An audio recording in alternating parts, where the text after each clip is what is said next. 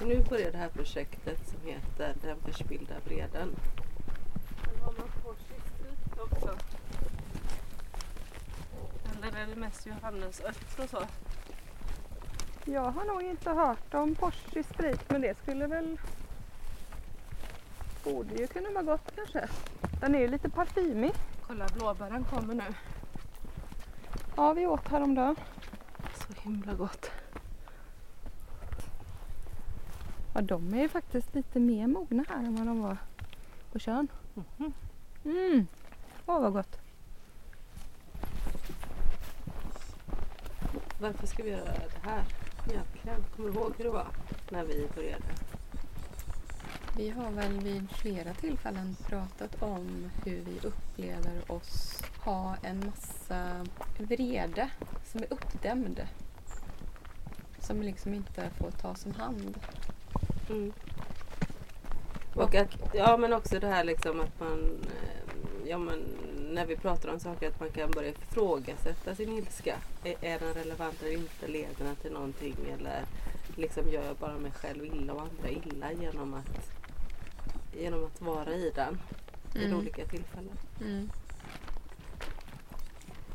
Ja, så har vi också vid flera tillfällen pratat om eh, problematiken i att man förväntas eh, höja sin röst för att höras i olika frågor. Mm. Att vi upplever att eh, i olika sammanhang, till exempel på en arbetsplats eller i en relation eller ja, i andra sammanhang inte blir lyssnad på i samma utsträckning och att det kan bero på olika strukturer Mm. som vi också är med och reproducerar och hur kan vi bli bättre på att inte reproducera utan faktiskt nå någon slags förändring. Ja, det var jättemånga. Kolla vad fint. Här är det ändå att det känns lite sådär äh, orört på något vis. Men det är det väl säkert inte. Det är väl säkert odlat här också. Träden menar jag. Mm. Vad tror du? Jag vet faktiskt inte. Om man tittar in så här. Du vet att det är så många nivåer kvar. Och olika sorters växtlighet.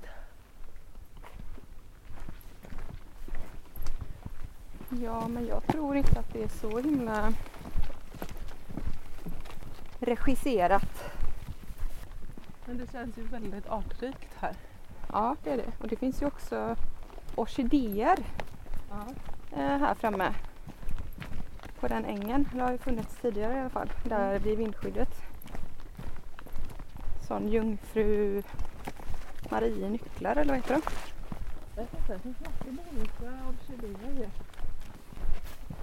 Både du och jag har ju gjort konst som handlar just om skrik Ja, och precis. tysta skrik. Mm.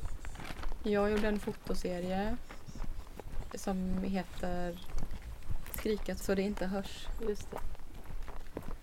Och du gjorde en film med eh, flera människor som skriker och det är också en ljudlös film. Mm. Så det är också tysta skrik. Precis, och det är nog liksom ändå att det är en självupplevd känsla. Eh, att liksom skrika och skrika ut eh, sin ilska men att inte bli lyssnad på som sagt. Eh, och då så kom vi väl på att ja, men vi vill nog tit- liksom, titta på det här lite mer tillsammans. Är det verkligen så att det inte hörs också? Och Mm. är det verkligen så att den vreden vi upplever eller uttrycker att den är borttappad eller förspilld eller inte leder någonstans. Eller gör den det liksom? Är det process eller är det liksom bara eh, är det process eller är det tysta skrik?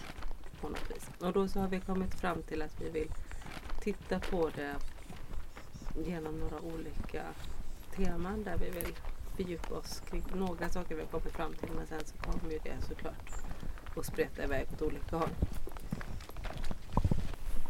Ja, nu kommer knotten. Nu gnider jag Porsche i, i hela ansiktet och hoppas att det här...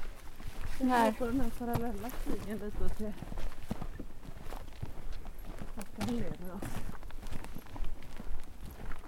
Men tror du verkligen att du redan kände knotten nu? Eller kan vara psykiskt. Eller såg du det?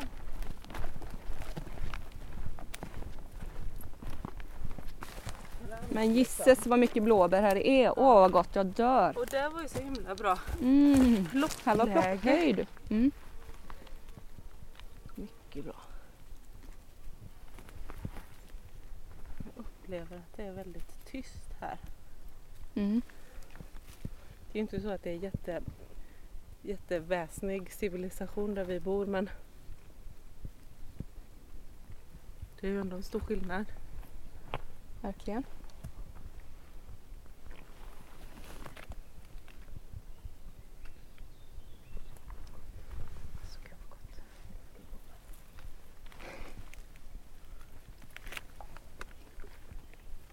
Nu är de så perfekta också för de har typ blivit mogna idag. Väldigt gott.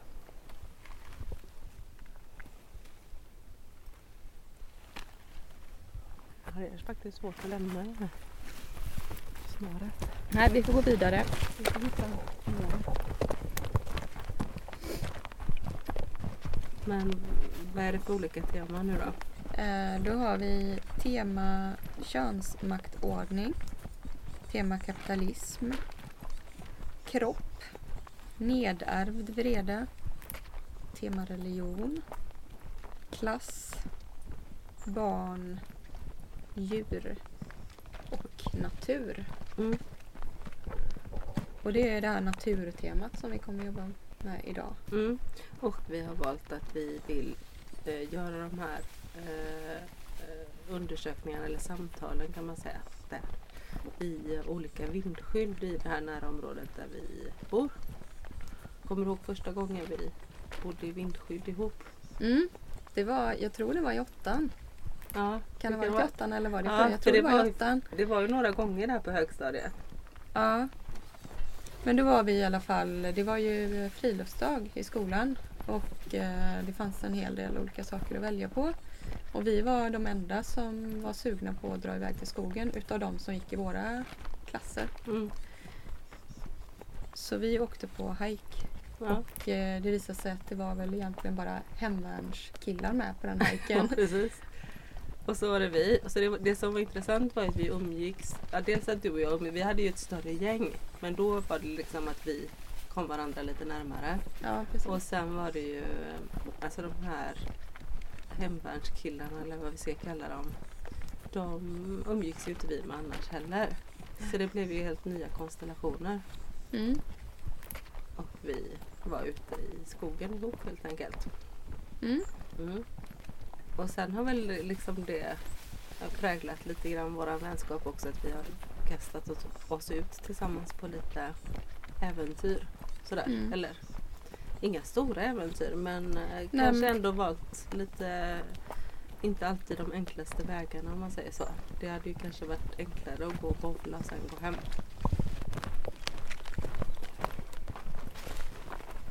Kolla här vad fint. Här är svart skogssnigel, de ser man inte så ofta längre. Ja. De mördarsniglarna stöter alltid. Titta, Ja, men vi är själva vid vindskyddet. Skorsten. Oj, vad är det här? Kött. Det ligger kött Det är någon som har lämnat tre hamburgare, men det kanske är någon som är här då.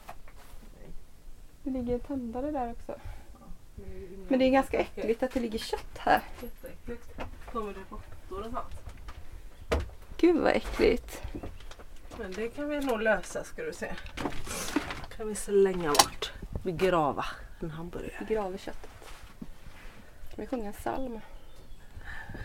Och när vi begraver köttet. Mm. Köttet har också säkert tillhört många individer.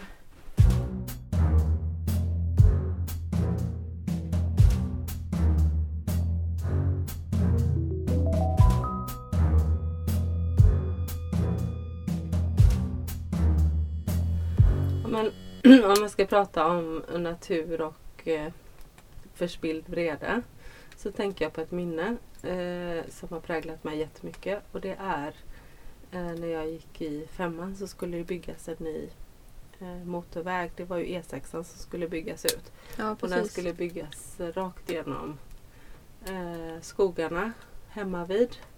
Och eh, då eh, blev det en väldigt stark motrörelse som var det som kallades för trädkramarna sen då.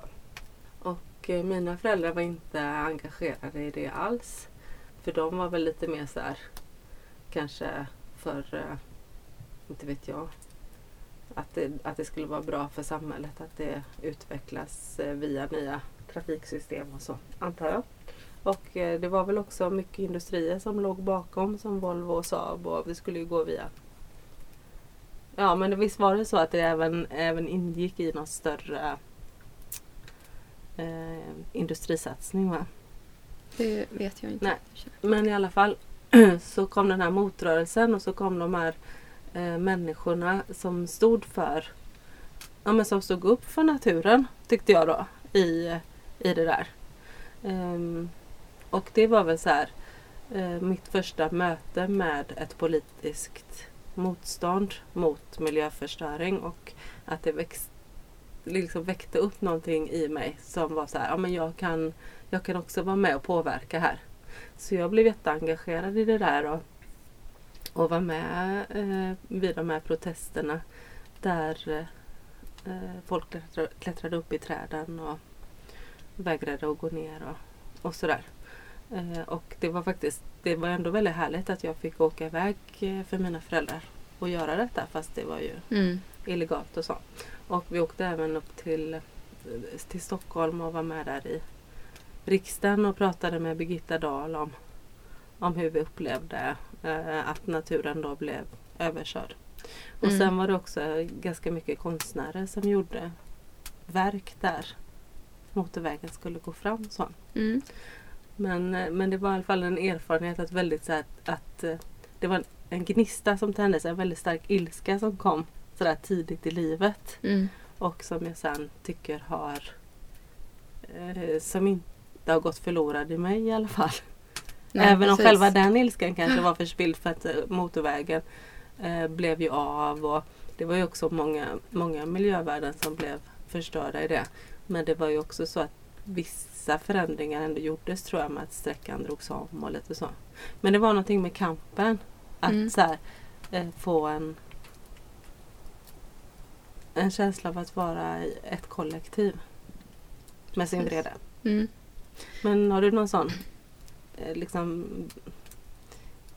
Ja men just den här känslan för den kollektiva vreden mot förstörelse av naturen.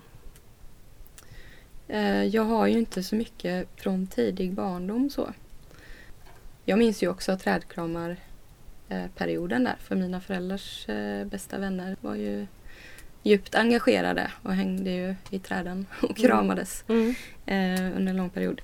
Så det pratar om det jättemycket hemma och sådär. Men eh, jag upplever ju att jag under min barndom har haft en väldig närhet till naturen hela tiden.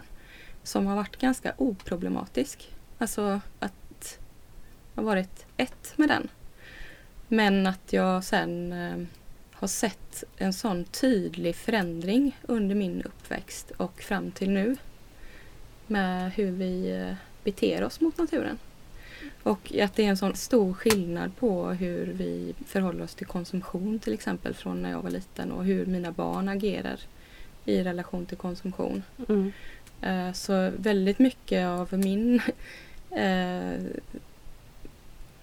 vrede gentemot hur vi är med naturen och just eh, vår miljöpåverkan har nog växt fram från att jag fick barn. Jag fick ju barn väldigt tidigt också. Mm.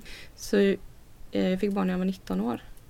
Och ända, jag vet att redan då så tänkte jag mycket på hur eh, att, att vi fick kämpa ganska mycket för att få eh, Alltså vi ville bara ha träleksaker till Kian.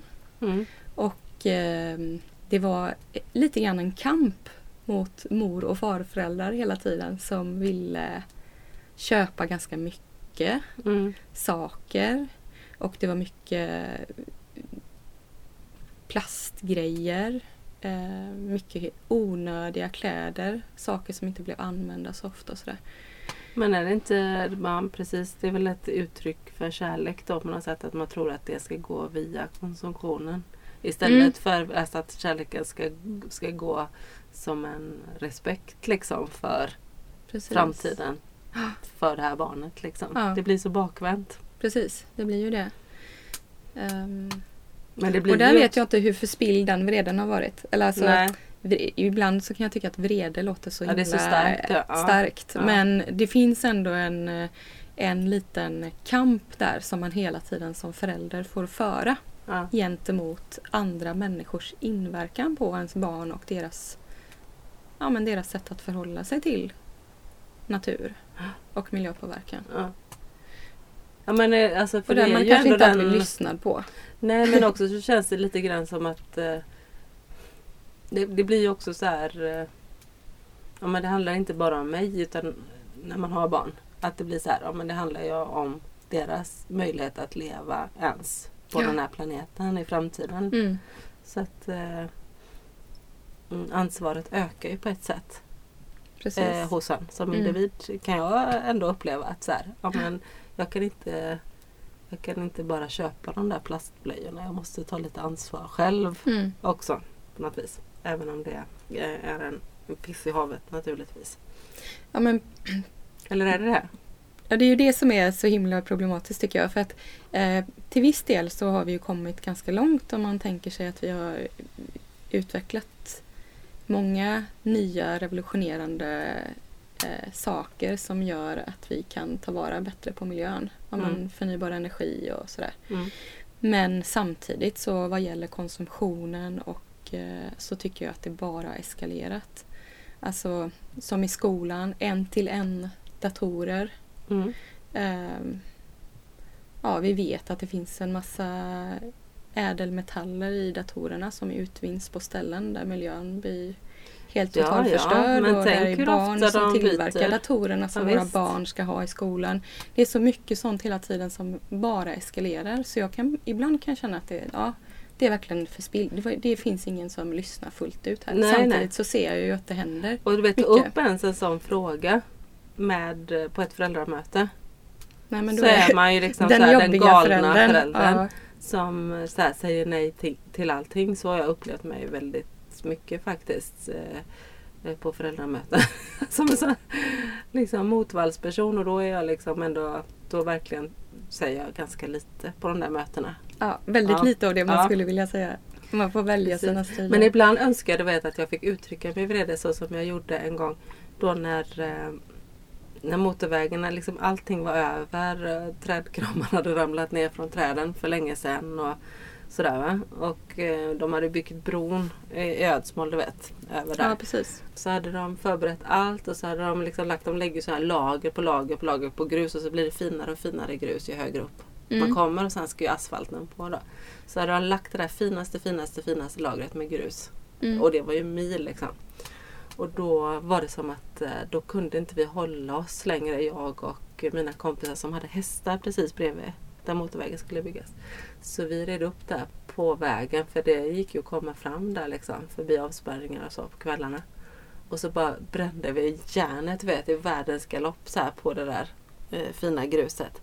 Och bara sabba. det man hade, och det var ju naturligtvis eh, förstöring av eh, vår gemensamma Allmän ekonomi. egendom. Ja, verkligen. Men vad härligt det var. Och bara du vet, så, här, Mm. så jävla arg och besviken och liksom orolig också för framtiden och sådär.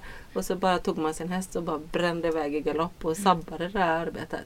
Ibland så skulle jag bara vilja så här att få uttrycka min frustration på det där sättet som man kunde göra när man var yngre. Mm. Ja, men genom handlingar så blir ju, alltså genom handlingar och aktioner då, så även om det inte leder till att just det som man protesterar försvinner eller inte blir av, så finns det väl någon poäng med vreden ändå. Att det är väl ett sätt att ta om hand den vreden så att den ändå får, får fortplanta sig i den egna kroppen då. Ja, just det.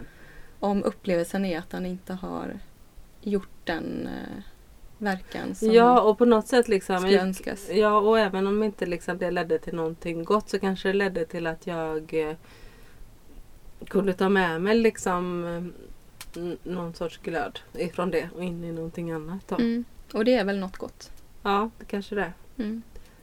Eh, om, om, om man tror då att man är, att man liksom är på den goda sidan.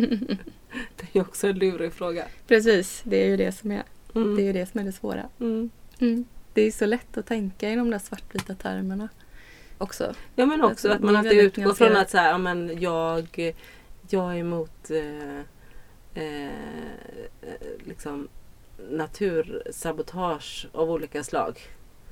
Eh, jag är en god människa så här. Mm. Och det är ju en ganska så här.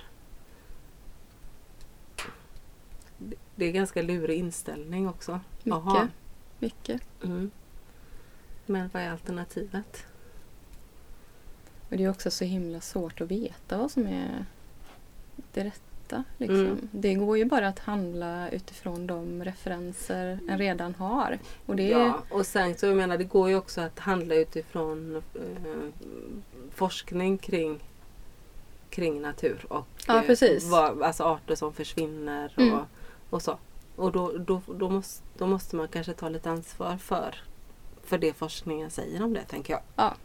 Men jag menar även forskningen visar sig ju ibland ha fel. Ja. Alltså, Den är också den, är, den är ju rör, den är ju i rör, Mm. rörelse. Mm, Den är ju i ständig tillblivelse. mm, Eh, Jag tänker på det med eh, det här. Jag har ju precis genomfört ett ganska långt konstprojekt som startade i eh, strykning av skjortor, mm, skrynkliga. Och som sedan övergick i att smida ett svärd. mm, Och sen så smidde jag om svärdet till en plogbild. Och sen så i samband med det så lyssnade jag på ett program på radion som handlar om eh, parm, parmaodling. Nej, vad heter det? Permakultur. Permakulturodling, precis. Och då visade det sig att eh, plöjningsjordbruket Mm, som vi har hållit på med i eh, många, många år nu inte är så himla bra för att den frigör en väldig massa mm, koldioxid ur jorden. Och att den också motverkar den riktiga, eller den, jordens egna kultur och att maskarna får jobba som de ska och sådär. just det. Och då tänker jag sådär, den där, den där handlingen att smida svärdet till en plogbild det är ju Mm. liksom också en referens till ett bibelcitat och så. Eh, den, skulle ju då, den handlingen skulle ju då vara en eh, konstruktiv handling. Mm, Och samtidigt då så får jag veta att plogen är ju inte Exakt. längre ansedd som något som kanske är så konstruktivt för Mm. jordbruket då. mm. Så då blir det liksom igen sådär en, eh, en ny vända. Jag vet, plus tas. att det är ytterligare en problematik i det och det är ju liksom detta med eh, människans eh, eh, påverkan på naturen. Alltså jag tänker sen människan började odla och sådär. Mm.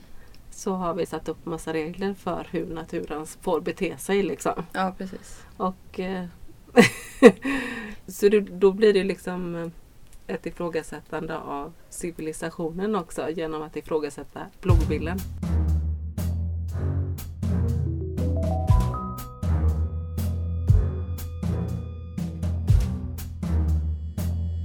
Men sen tänker jag också mycket på upplevelsen av natur. Du vet, eh, våran relation idag till natur.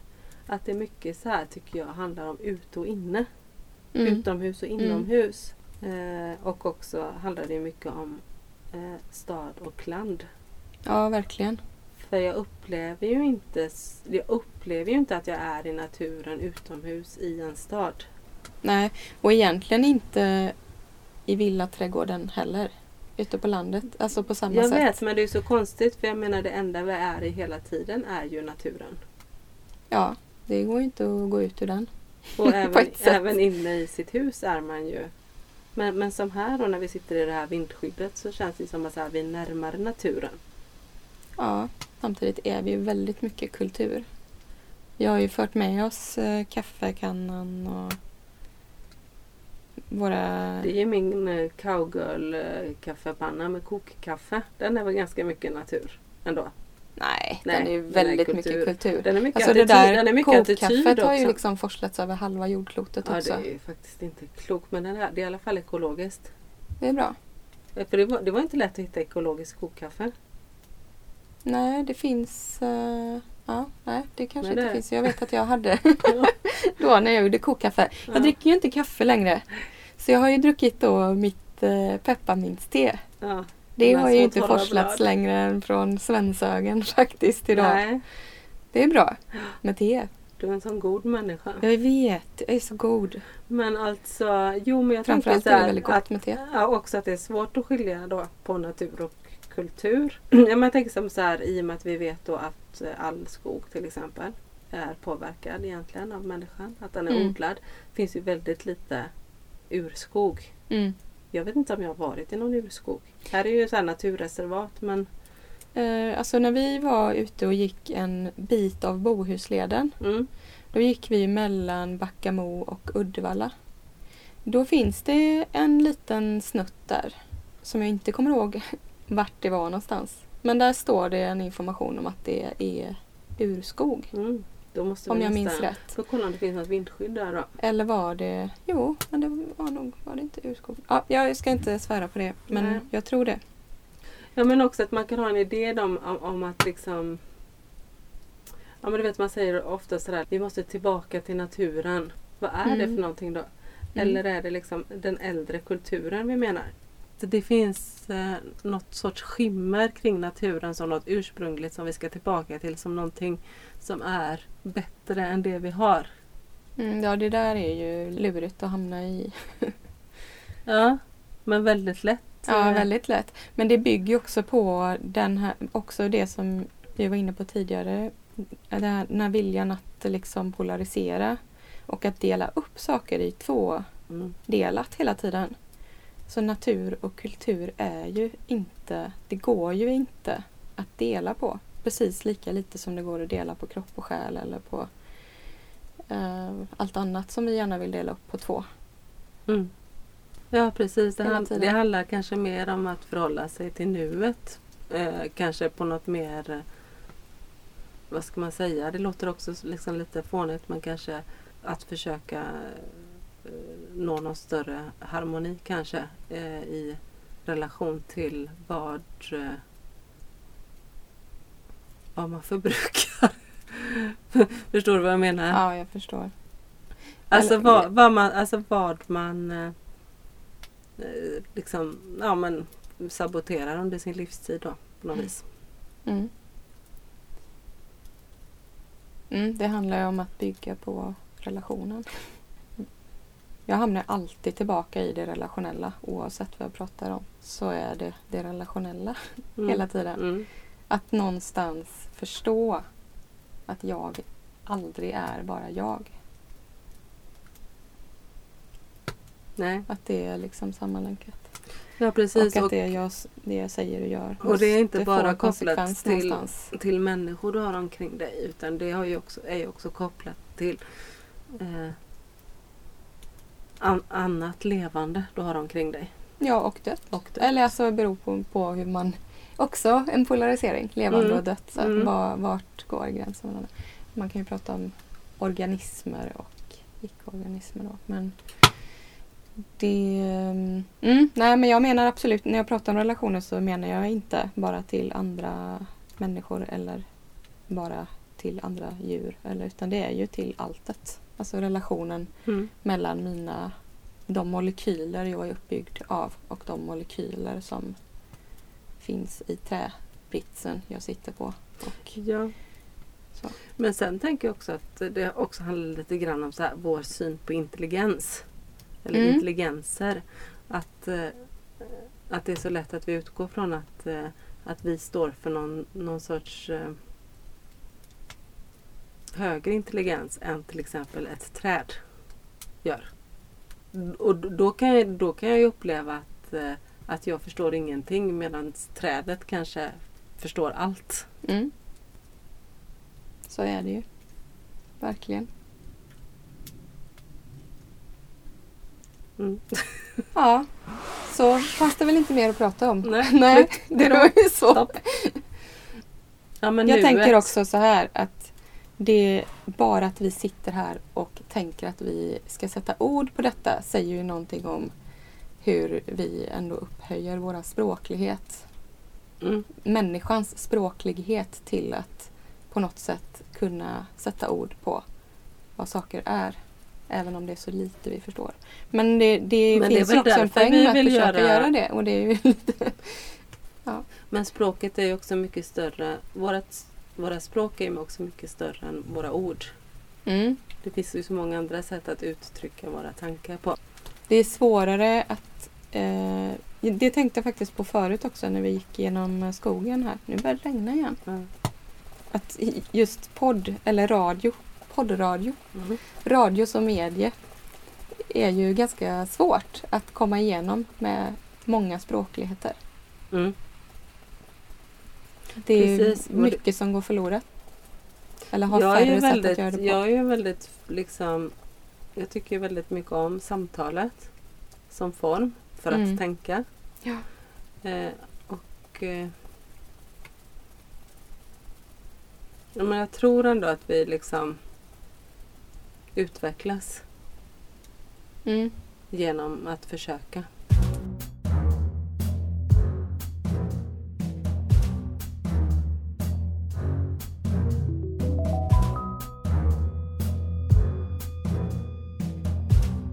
Men det här med natur, ifall, att det oftast finns eh, en idé om den goda naturen då. Eller att så här, tillbaka till ett ursprung eller så som vi pratade om. Mm. Det ligger ju nära nu att prata om naturens vrede. Slukhål är ett intressant fenomen tycker jag. Vad är det för någonting? Ja men när det, marken blir så underminerad Ja, och så till slut så bara allting är med sig så är det Allting bara ett stort bara- hål där under så ett helt hus bara kan ramla ner i ett Ja. hål. ja. Det är lite läskigt. Det är ett läskigt. Är Det det naturens det- vrede som bara öppnar sig? Så här, naturen så här ska ge tillbaka. Ja, eller så är det bara att människan har lärt sig att bygga så hårda skorpor som vi gör våra hus på så att. Plötsligt så ger det med sig. Så Under. är det någon som har kommit galopperande där på sin häst Just och det. underminerat alltihopa. Ja, Och det var kanske 30 år tidigare. Man vet inte. nej. Så kommer det ett sånt slukhål och bara Ja, det slurpar kanske upp var alltihopa. den där Det kanske var de där ungdomarna på häst som gjorde att, var det inte E6 som rasade borta vid Munkedal för några år sedan? Herregud, jag måste galopperat så långt. Alltså. Ja, det var fjärilseffekten. Nej, vad Mm. heter det? Ja, Gör det. den vet du. Den. Era Nu kommer det tillbaka. galoppkramp där eh, fortplantade sig och gjorde att det liksom vibrerade hela vägen till Munkedal. Ja. I Munkedal så vibrerade det så mycket så att det har blivit helt underminerat. Och sen så 15-20 år senare så bara... Så var allting I samband samman. med ett väldigt stort regn. Mm. Det var då allt Det var bara droppen sig. Det var droppen Ja. som fick skälvningen att eh, så att säga verka fullt ut. Ja. Nej men tror du det att, att naturen kan uppleva ilska? Liksom jag tänker som nu skiljer vi då mm, natur och människor liksom när vi pratar på ett sätt liksom. Men jag tänker att vi ändå utnyttjar naturen väldigt mycket. Mm. Eh, och att tror du liksom att naturen kan ge tillbaka? Du menar att den skulle vara hämndlysten Mm, på något sätt? mm. Det har jag jättesvårt att tro. Jag vet inte om hämnd kanske är det som gör oss till människor. Hämndlystenheten. Alltså på ett sätt så tycker jag att det är problematiskt att vi gör uppdelningen hela tiden. Mm. En gång på jobbet så hittade jag en liten lapp i ett, i ett klassrum som jag skulle vara i med mina studenter. Eh, och då stod det Vi är trots allt bara djur. Och Mm. det är en sån här grej som ramlar fram så här gång på gång. I mitt huvud Mm. i olika situationer.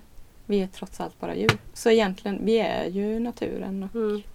Men det är ju ändå ett faktum att vi tror oss... Eh, eller att vi ägnar oss åt en hel del maktmissbruk. Ja, det är väl ingen underdrift direkt. Och det gör ju en vissa andra djur också i relation till... du tänker på de här myggorna nu som du har åkt Ja, de är så... Alltså ärligt talat. ja. Ja. Det är hämnd. Mm. Jag tror mer på det här som du sa innan. Det, här, alltså det, det var droppen som fick bägaren att rinna över. Att naturen kan göra motstånd på det sättet. Mm. Allting som blir pressat Mm. för länge på olika sätt. Eh, till slut så ger det ju vika liksom och bubblar över någon annanstans. Mm. Och och det kanske också är någon sorts fjärilseffekt då. Att det, det kan bubbla, bubbla ut någonstans eh, där vi inte anar det riktigt. Mm. Jag vet någon gång i tonåren så var det ju väldigt mycket prat om provsprängningar under Mm. havsytan. Mm. Och i samband med det så var det också väldigt mycket jordbävningar runt om på jordklotet. Mm. Och jag kommer ihåg att jag gjorde någon slags koppling där. Eh, som säkert är helt ologisk. Mm. Men att jag liksom ändå kunde gå och fundera på det. Om det var om det hade något samband. Mm. Ja, men att de här provsprängningarna utlöste det här. Eller att det kanske var också någon typ av hämnd. Alltså att Mm. jorden då ger igen på något sätt. Men det är ju också en, en tonårings funderingar kring eh, Jag vet inte men hur som helst så är det ju så här att det som vi gör, alltså när vi utnyttjar naturen så faller det ju ändå tillbaka på oss själva. Det är väl någon sorts hämnd då kanske. mm. Som när eh, ozonskiktet blir uttunnat så får vi väl hudcancer. Mm. Eh, Ja, Det kanske inte riktigt är naturen i sig själv som hämnas utan att vi eh, drabbas av vår egen oförmåga på något sätt. Mm. Att tänka hela vägen.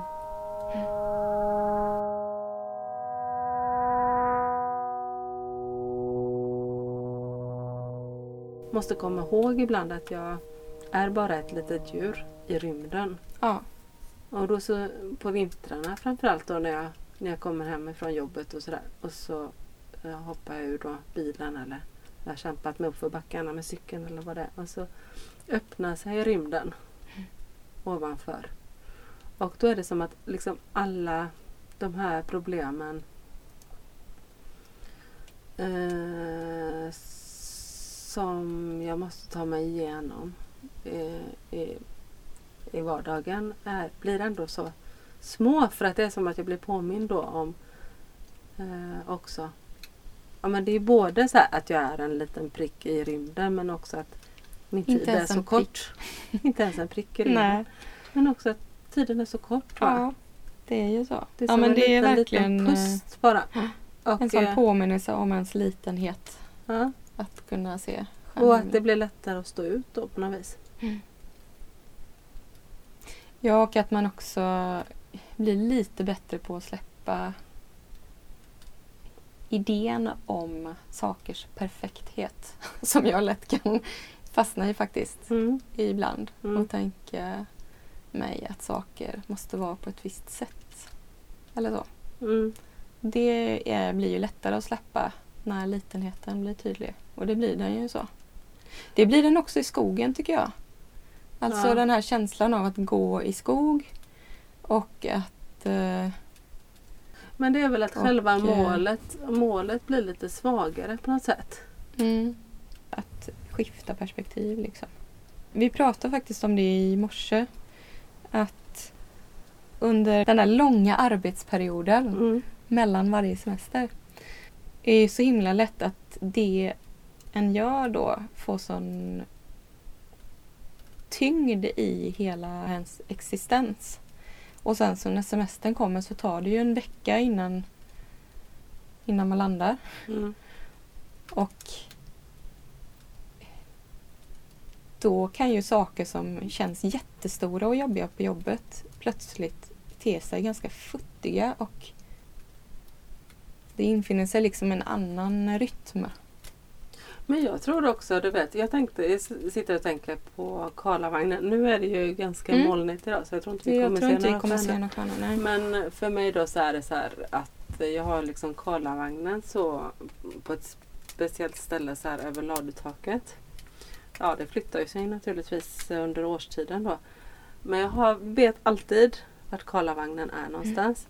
Och nu när jag tänker på det så är det nästan som att det är ett sätt att hantera vreden. Mm.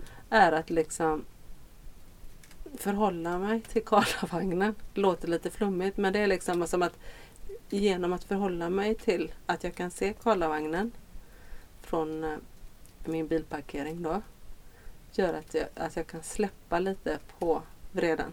Mm. Samtidigt är ju Karlavagnen bara sju solar. Det är så himla lätt också det är inte så bara man- egentligen. Nej, det är inte bara det. Det är inte så jag menar. Men det jag menar är att när vi pratar om det som Lilla Björn och Stora Björn och, Mm. och Cassiopeia och sådär så är det ju också ett sätt att sådär bara flytta ut våran kultur ut i rymden. Mm. Att inte bara kunna säga så här, de där sju solarna. Mm. Uh, istället att vi pratar om det också som bilder och, och, och kultur liksom. Ja, för att man, blir, man, man tar del i en eh, historia, i en berättelse. Ja, precis. Det är ju en trygghet i det. Ja, det är klart. Men det är också intressant att det då är det som gör att Men visst, man kan ju också tänka på att om man tänker på Karlavagnen då är liksom bara. Det är bara gas helt enkelt som brinner liksom. mm. På sju olika ställen. Mm. Skitlångt ifrån varandra. Ja, ja. Mm. Det är helt galet alltså. Är det lite av den här anledningen som vi är i vindskydd? Ja. Ja. ja, men jag tror också så här att öva sig då på att så här tänka på detta. Eh, som eh, liksom ofta blir kopplat tillbaka till perioden mellan semestrarna. Mm. Eh, att ge sig själv det utrymmet att våga tänka på all vrede som framkallas hela tiden. Ehm, jag vet inte om jag skulle kunna liksom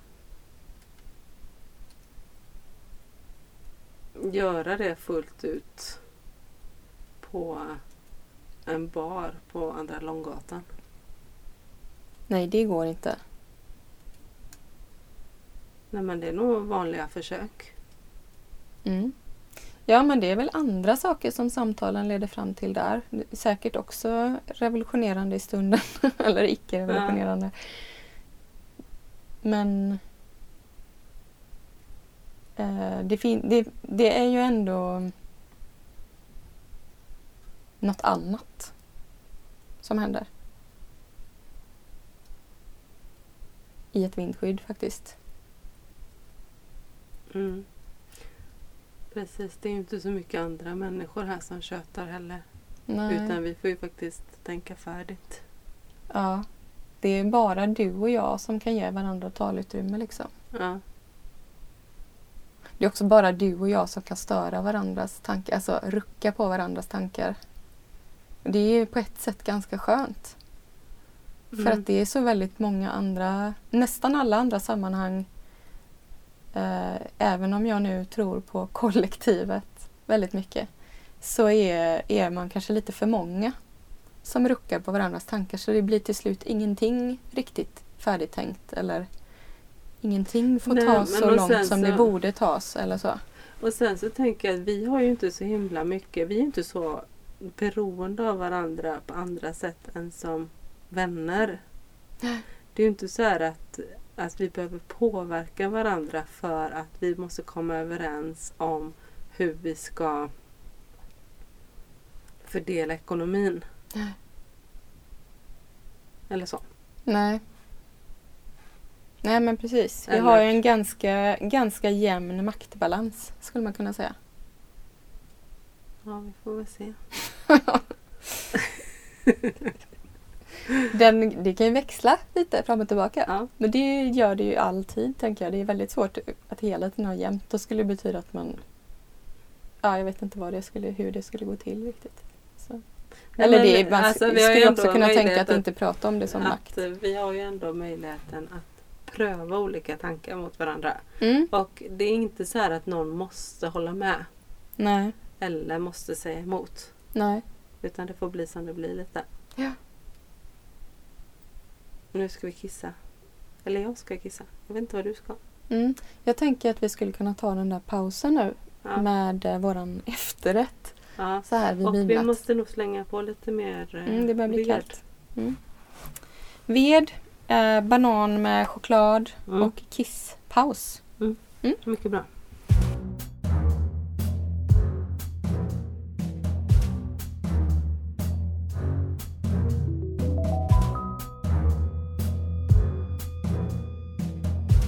Nu är det liksom morgonen efter här i vindskyddet.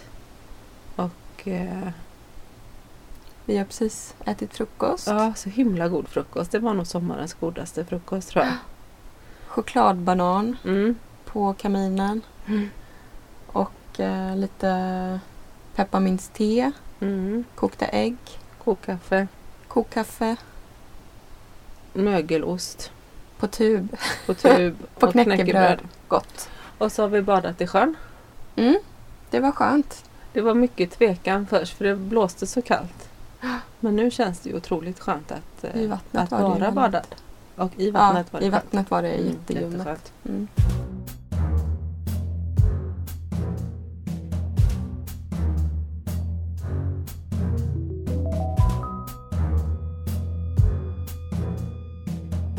Har du någon aktuell eh, ilska?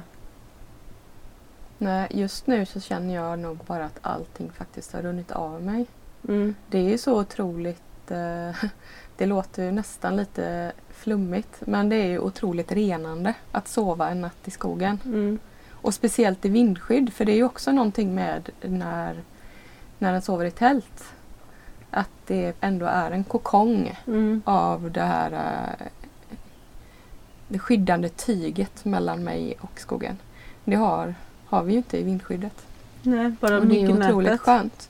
Myggnät hade vi i Mm. natt. Det var ju på grund av våra dåliga erfarenheter av den här förra övernattningen vi gjorde här för Mm. fyra år sedan. Mm. Var Då vi bra. var helt sönderbitna.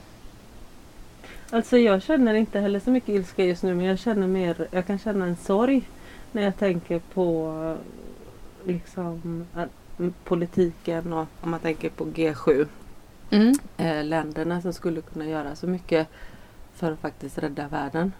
Mm. Och att, eh, att det så ofta väljs bort.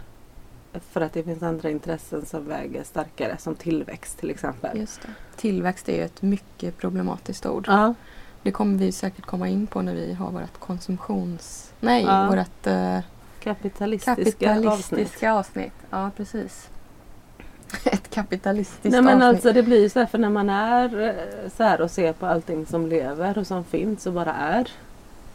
Och eh, att, eh, att inte det är så självklart att det här kommer finnas kvar. Så då kan jag känna en stor sorg att vi förlorar någonting Mm. faktiskt. Jag tror inte att vinsten väger, alltså tillväxtvinsten då eller vad det nu är. Eller bekvämlighet och service och så vidare. Jag tror inte att det väger tyngre än, än de här tillgångarna som vi har. Och så. Men sen är det ju alltid det där att, att, eh, att man behöver fundera på vad man själv kan göra då för uppoffringar också. Mm. Och eh, det är ju, alltså jag tänker ibland, jag, jag skulle nog kunna göra ganska många men ibland är det svårt att vara eh, att vara ensam i de valen. Jag tror ju ändå att, att eh, vi behöver de kollektiva rörelserna för att kunna göra våra uppoffringar. Faktiskt. Till Ja. exempel om det då handlar om att inte köra bil. Det är ju svårt att bara komma fram till en gemensam väg vad gäller uppoffringar i den egna lilla familjen. Mm. Så det är ju inte konstigt att det är svårt att ta sådana beslut på ett större kollektivt plan. Jag tänker bara på sådär att hemma har vi pratat ganska mycket om eh, miljösvineriet i att flyga på semester till exempel. Mm. Nu gör vi det ganska sällan i jämförelse med många andra men vi gör det dock då och då. Mm. Vi har pratat om det att nu får det faktiskt räcka. Kanske får vara var fjärde, var femte år eller någonting Mm. och sen så får det vara tåg och ja, tågsemester. Precis. Så. Eh, Sådana kollektiva beslut är ju svåra att ta även i den lilla.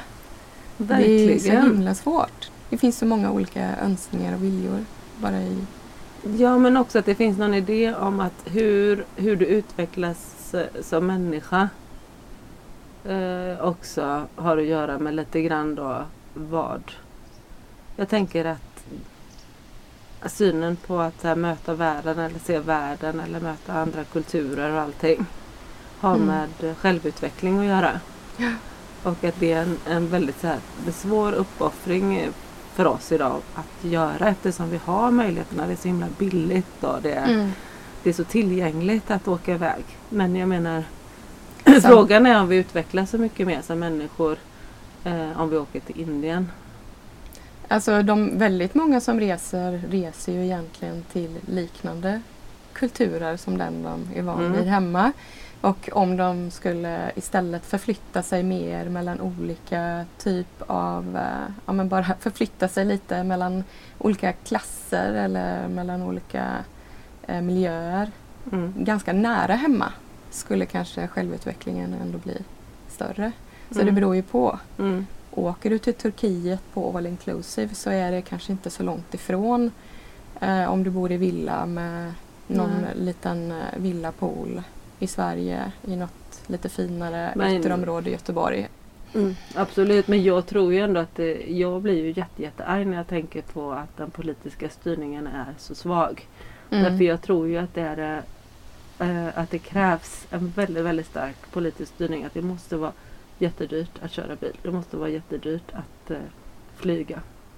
Ja, det är så- ju enda sättet på något sätt. Att när, när vi tvingas att dra in på någonting så Ja. gör vi ju det. Ja. Mm. Ja, det är ju, vi pratade lite igår om det här med att välja att bo som vi bor. Så lite mer lantligt, eh, inte i någon innerstad eller så. Eh, det tycker jag är sån otrolig vinst med det huset som vi köpte för ett halvår sedan.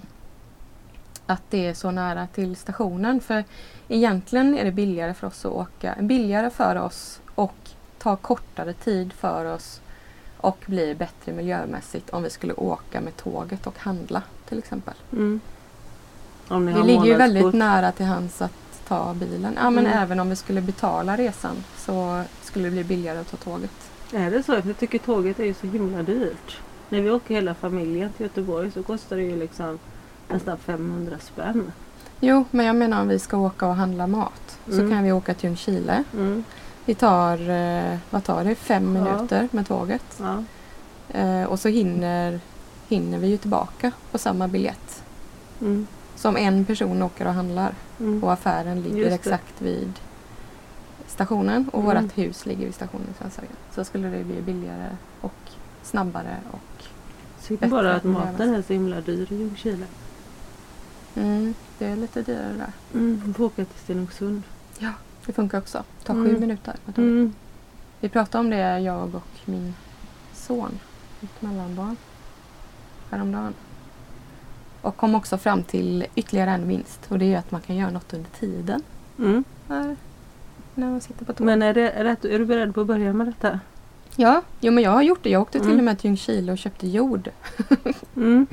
Så Med liksom konka, ja, nu skulle jag bara köpa en säck jord. Ja, Så att jag konkade en säck jord på, på tåget. just det. Men det gick ju Nej jättesnabbt men du har ju faktiskt också så, men jag skulle kunna ta bilen till stationen. Jag har, ju- det är ju inte långt men det är så mycket backar Ja, eh, om man ska handla mycket mat eller jord.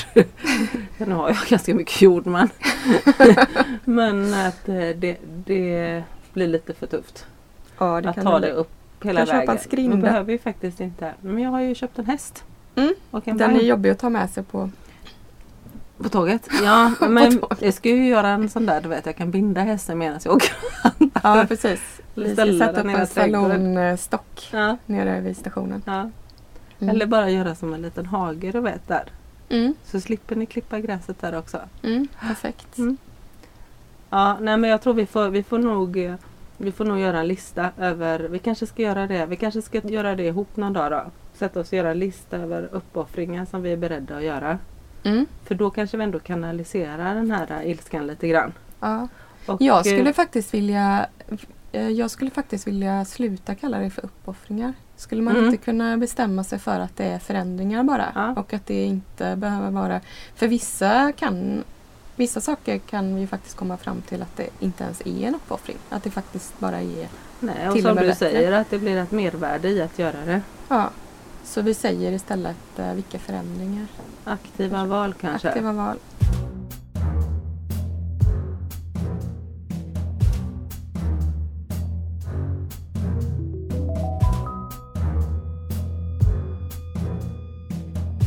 Och sen har vi, har vi också liksom legat här och tänkt lite på allemansrätten. Mm, Och hedrat den. verkligen. Eh, ja, det är ju verkligen något helt fantastiskt som vi har i Sverige, Ja. allemansrätten. Ja. Jag väntar, nu har det kommit en liten hund Mm. på besök. Är det en schnauzer? Inspelning på, inspelning på gång. Ja, men det är ingen fara. Jo. Vi spelar in en podd.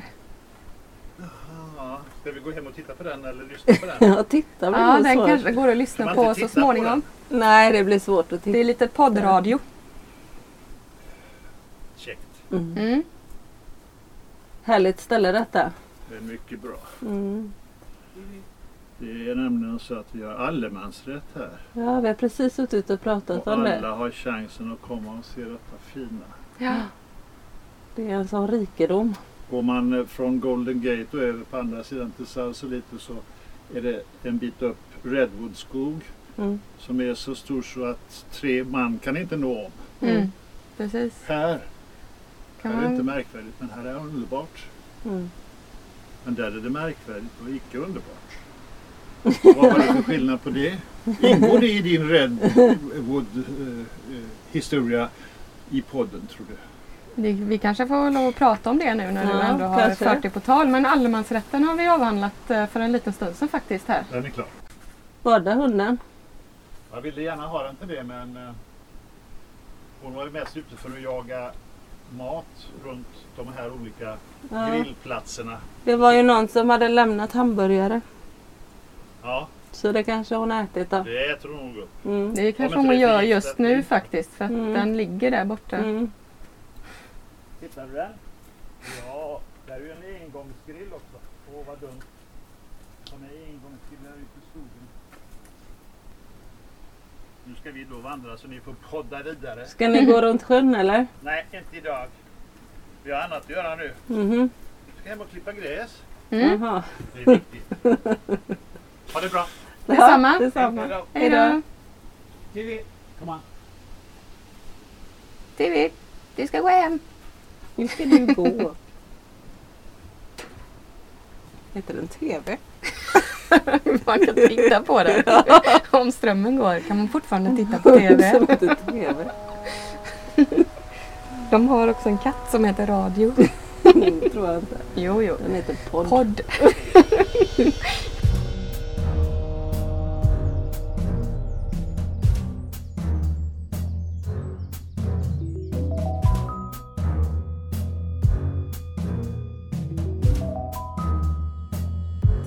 Kanske förstår allt. Vi har också legat här och tänkt lite. Allemansrätten. Ja. Allemansrätten. Allemansrätten. Det är nämligen så att vi har allemansrätt här. Vi är i vindskydd.